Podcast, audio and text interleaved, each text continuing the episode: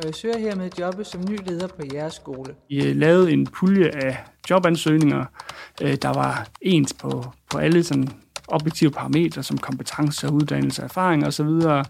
Jeg er vant til at gå forrest og ser ikke problemer. De ansøgninger, vi sendte ud med danske navne, der kom cirka 3 ud af 10 til en jobsamtale, hvorimod når vi sendte de samme ansøgninger ud til de samme job med mellemøstlige navne, øh, kom omkring 3 ud af 15 øh, ansøgere til, til en jobsamtale. Venlig hilsen. Jasmin.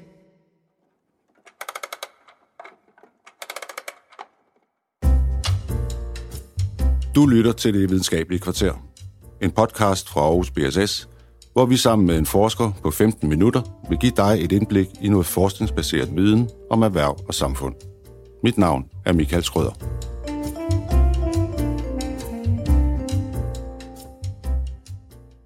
I Danmark er det direkte forbudt at gøre forskel på mennesker på arbejdsmarkedet, når det gælder ansættelse, mulighed for forfremmelse eller lønniveau.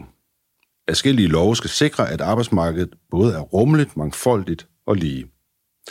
Diversitet og ligestilling er altså mål i sig selv på arbejdsmarkedet, i hvert fald politisk set. Alligevel er der stadig masser af forskelle, hvilket adskillige undersøgelser med jævne mellemrum dokumenterer. Spørgsmålet er, om virksomheder, private såvel som offentlige, skyder sig selv i foden, når de stadig praktiserer forskelsbehandling ved ansættelsen, i muligheden for forfremmelse og i lønniveauet. Det spørgsmål stiller vi i denne udgave af det videnskabelige kvarter til professor Anders Ryum Villadsen fra Institut for Virksomhedsledelse på Aarhus BSS.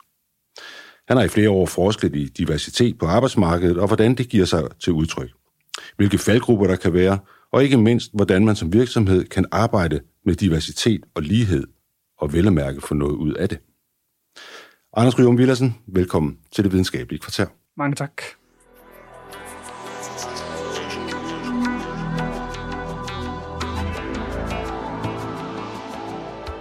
Du har forsket og holder kurser i, hvordan man som øh, offentlig øh, og privat virksomhed kan arbejde målrettet med diversitet. Og det ved jeg, at du har nogle helt konkrete råd til, og det vil vi nok vende tilbage til øh, senere i den her podcast. For allerførst, så skal vi lige have lidt styr på, hvad det er, vi snakker om, når vi bruger ordene sådan diversitet og lighed på arbejdsmarkedet. Hvad er diversitet i grunden for en størrelse? Når vi som forskere beskæftiger os med, med diversitet, øh, jamen så handler det ofte om at forstå, hvordan forskellighed i grupper af mennesker påvirker de processer, der foregår i grupperne. Øh, det vil sige, hvordan diversitet for eksempel kan påvirke, hvordan beslutningen bliver truffet. Øh, nogen ser på diversitet på arbejdsmarkedet for eksempel, og det jeg især har beskæftiget med er diversitet inden for, inden for organisationer, i medarbejdersammensætningen i, øh, i organisationer. Øh, jeg synes, der er en ting, man også kan tænke på, det er, at diversitet kan være mange forskellige ting. Øh, at der man både kan tænke på synlige og usynlige dimensioner af diversitet. Det er ikke noget, der kun knytter sig nødvendigvis til det, vi kan observere man tænker på synlige dimensioner som køn eller etnicitet, hvor man udefra tydeligt kan se, at, at en gruppe har flere forskellige typer mennesker. Øh, men andre typer diversitet, det kan være mere usynligt. Det kan være om uddannelse, det kan være øh, personlighed, eller måske nogen form for, for psykiske handicap for eksempel, hvor det ikke vil være, være umiddelbart til at se, at det her det er en mangfoldig gruppe, eller en gruppe med høj diversitet. Men hvorfor er diversitet vigtig? Altså hvorfor er det vigtigt for dig som forsker at, at, at, at dykke ned i diversitet? Jamen, jeg synes jo, det er et, et voldsomt øh, interessant emne. Øhm, og, og man kan sige, man kan se på diversitet øh, og hvordan det påvirker grupper på forskellige måder. Så en tilgang, det vil være at se på, hvordan grupper håndterer information. Øh, og tanken her er, at mere mangfoldige grupper, grupper med større diversitet, at de vil i højere grad være, eller bringe forskellige øh, øh, typer viden, forskellige værdier, forskellige erfaringer til de beslutningsprocesser, der sker i grupperne. Så det vil sige, at mere mangfoldige grupper vil have et større beslutningsgrundlag, og, og på den baggrund måske træffe, øh, eller i hvert fald have et bedre grundlag for at træffe gode beslutninger. På den anden side, så vil andet perspektiv sige, at øh, mangfoldighed også kan, kan være noget, der kan have mere negative øh, konsekvenser. At jo mere mangfoldighed, jamen jo sværere kan det også være at blive, blive enige. Hvis folk kommer med meget forskellige syn på en sag, jamen så tager det længere tid at blive enige, så beslutningsprocesser bliver langsommere. Der er også større sandsynlighed for, at, øh, at der kommer konflikter, og når der kommer konflikter i de her grupper, jamen så vil de være sværere at løse, jo mere forskellige deltagerne er. Hvor har du i din forskning sådan helt specifikt mødt diversitet og de her forskelle, som, som er så interessante? Øh, jamen, det har vi gjort flere forskellige steder. Øh, blandt andet har vi øh, i studiet fokuseret på øh, kønsdiversiteten, eller forskellen, kønssammensætningen i de kommunale topledelser. Øhm, og det gjorde vi sådan med udgangspunkt i nogle tanker om, at, øh, at, at kvinder og mænd, ikke alle kvinder og mænd, men i gennemsnit øh, er blevet vist, at de, de bringer forskellige øh, ting til, til deres ledelse, forskellige elementer ind i deres beslutningsprocesser. Så vi synes, det var interessant at prøve at se, om det betyder noget for, for de kommunale topledelser for eksempel. Gjorde det så det? Øh, jamen det er jo, øh, svaret her er, er forskersvaret, både og, øh, på den ene side og på den anden side. Øh, det vi især fandt her var jo, at, øh, at den, den, den specifikke situation, konteksten, øh, var vigtig. Øh, vi fandt, at i nogle kommuner, der var der ledelsesstrukturer, øh, som, som gjorde, som understøttede diversiteten. Det var kommuner, hvor de havde mere sådan kollektiv ledelsesform, hvor de havde en, en direktionsmodel, hvor lederne i fællesskab øh, træffede de vigtigste beslutninger. Det er et klima, hvor, hvor man har mulighed for at bringe forskellighed øh, på bordet, hvor forskellige deltagere har mulighed for at spille ind med den viden eller de erfaringer, de nogle gange har. Øh, I andre kommuner havde de mere traditionelle øh, organisationsformer, hvor hver leder havde ansvaret for en silo eller et mere specifikt område. Selvfølgelig vil de se hinanden, men, men dybest set var ansvaret for beslutninger lagt ud til de ledere, øh, der havde ansvaret for et givet område. Øhm, og, og her fandt vi ikke, at der var nogen effekt af diversitet. Hvilket egentlig giver, giver fin mening, øh, tænker vi, fordi det, i, i de her, øh, med de her strukturer vil der være mindre mulighed for at påvirke hinandens beslutninger, og den autoritet, en given leder har inden for sit område, vil, vil typisk blive respekteret af andre ledere. Hvad fortæller sådan et resultat dig? Jamen, det fortæller mig, det fortæller mig først og fremmest, at, øh, at, at diversitet øh, er noget, som, øh, som, som vi ikke kan betragte alene. Vi er nødt til at se på det i den organisatoriske kontekst, hvor det indgår. Vi er nødt til at fokusere på de strukturer, der er til stede i organisationen, som enten understøtter øh, arbejdet med diversitet og, og de positive processer, det potentielt kan bringe, eller måske øh, modsat kan, kan være en hindring for, at vi øh, får det maksimale udbytte af, af diversitet. Jeg hæfter mig ved, at øh, i de, jeres forskningsartikel, der skriver jeg, at det kun er 20 procent af de kommunale topledere, der er kvinder. Øh, og det lyder jo ikke som noget sådan specielt højt tal i forhold til, øh, at der skulle være diversitet mellem kønnene. Jeg har også et sted set, at Danmark ligger nummer to i verden, når det gælder ligestilling mellem kønnene sådan helt generelt. Hvordan hænger det egentlig sammen? Du har ret i, at 20 procent, det bestemt ikke er noget øh, højt tal. Øh, Øh, og, øh, og, når, og på den ene side, så har du også ret i, at vi ligger højt på, på nogle skalaer, når, når, når vi taler om, om lighed mellem kønnene. Men, men øh, i forskellige rangeringer, hvor man ser på ledere mere specifikt, der ligger vi faktisk ret lavt. At i Danmark er vi, er vi ret dårlige til at få især kvinder øh, ind i, i ledelserne i både det offentlige og det private. Så vi ligger på de rangeringer øh, under OECD-gennemsnittet, og også lavere end lande, vi, vi normalt vil, øh, vil sammenligne os med jeg tænker, øh, jeg, jeg tænker også, at når vi tænker på, på diversitet i ledelsen, er det vigtigt at få frem, at det er jo ikke fordi, at en 50-50-fordeling er nødvendigvis at det, vi skal gå efter, efter alle steder. Øh, det handler måske mere end at se på det præcise, den præcise balance, også om at se på de mulige barriere, de strukturelle hindringer, der kan være for, at nogle personer har mulighed for at, øh, at, øh, avancere inden for, inden for organisationernes øh, hierarki.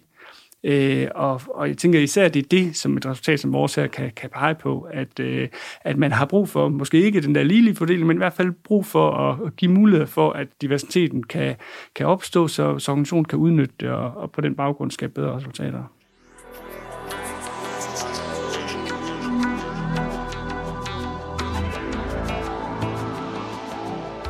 Nu har vi talt om kønsdiversitet øh, og kønsforskel. Men der er jo også øh, andre vigtige faktorer, når vi, øh, når vi taler diversitet, nemlig blandt andet etnicitet. Øhm, og uanset hvilken holdning man har til øh, migrationsområdet, så er der jo i hvert fald politisk bred enighed om, at beskæftigelse det er vigtigt, hvis integrationsindsatsen den skal lykkes. At det alligevel er sværere for borgere med ikke-vestlig baggrund at få fodfæste på det danske arbejdsmarked, det har også været slået fast flere gange. Og her på det her område, der har du også øh, lavet et, et studie, hvad, øh, hvad viste det? I det studie, der var vi interesseret i, om, øh, om det var lettere for en jobansøger, der hedder Peter, et typisk dansk navn, og kan blive indkaldt til en jobsamtale sammenlignet med en sammenlignelig ansøger, der hed Mohammed eller Ali, et typisk mellemøstligt navn. For at undersøge det, så lavede vi et, øh, et feltstudie, som er, er en metode, der er blevet brugt til at undersøge det her øh, i flere andre lande, hvor vi øh, lavede en pulje af jobansøgninger, øh, der var ens på, på alle sådan objektive parametre som kompetencer, uddannelse, erfaring osv.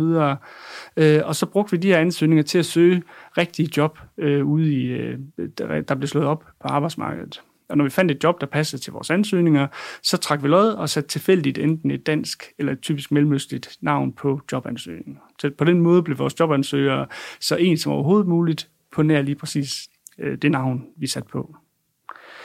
Øh, vi sendte øh, ansøgning ud til 222 job, fordelt på både den offentlige og den private sektor, for at kunne lave en sammenligning med det. Og vi valgte nogle jobkategorier, som vi, hvor vi kunne finde job i begge sektorer, for at kunne lave så god en sammenligning som muligt. Det var skolelærer, det var øh, fysioterapeuter, øh, sekretær og, og økonomjob, som vi kunne finde i både det offentlige og det private. Studiet viste, at, øh, at det var meget sværere for, øh, for jobansøgere med mellemøstlige navn end med, med dansk danske navn og blive indkaldt til en jobsamtale. Så faktisk fandt vi, at der var 53% større chance for ansøgere, der hed Anne eller Peter, øh, for at komme til samtalen, hvis de hed Mohammed eller Fatima, selvom alt andet i CV'et var, øh, var, var holdt på samme, øh, på samme måde. Eller sagt på en anden måde. Øh, I vores studie, der de ansøgninger, vi sendte ud med danske navne, der kom cirka 3 ud af 10 til en jobsamtale, hvorimod når vi sendte de samme ansøgninger ud til de samme job med mellemøstlige navne, øh, kom omkring 3 ud af 15 øh, ansøgere til, til en jobsamtale. Hmm. Jeg ved også, at I har fulgt op på det her studie, og I har taget et nærmere kig på, øh, på skoler og deres tilbøjelighed til at ansætte eller ikke ansætte lærere med, med, et andet, et, øh, med anden etnisk baggrund end dansk. Hvad, hvad viste det studie? Resultaterne i det foregående studie viste, at der var egentlig ikke nogen forskel i, i den her diskriminationseffekt mellem det offentlige og det private, hvilket vi synes var ret interessant. For at arbejde videre med det, så, så fokuserede vi på, på folkeskolerne mere specifikt, øhm, og igen prøvede at fokusere på, hvilken øh, situation de var i. Øhm, så vi så på øh, ansøgninger, vi sendte ud til skoler, der lå lavt i den i nationale rangeringer af øh, deres karakterniveau, justeret for elevsammensætningen og forældrenes baggrund osv., og, øh, og sammenlignede dem med skoler, der lå højt i de her øh, rangeringer. Og vi fandt, at, at diskriminationseffekten var absolut mest udtalt i de dårligst præsterende skoler, og den faktisk forsvandt fuldstændig i de skoler, der øh, præsterede, øh, præsterede allerbedst.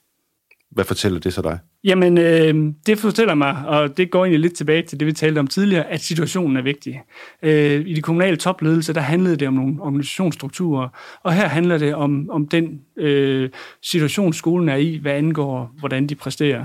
Øh, og det harmonerer godt med, med forskning, der viser, at når øh, når man er stresset, når man er mere presset, jamen så har ens beslutninger større tendens til at være påvirket af ubevidste fordomme, ubevidste biases. Øh, noget, som vi alle sammen render rundt med, og som ubevidst kan, kan påvirke, hvordan vi opfatter situationer.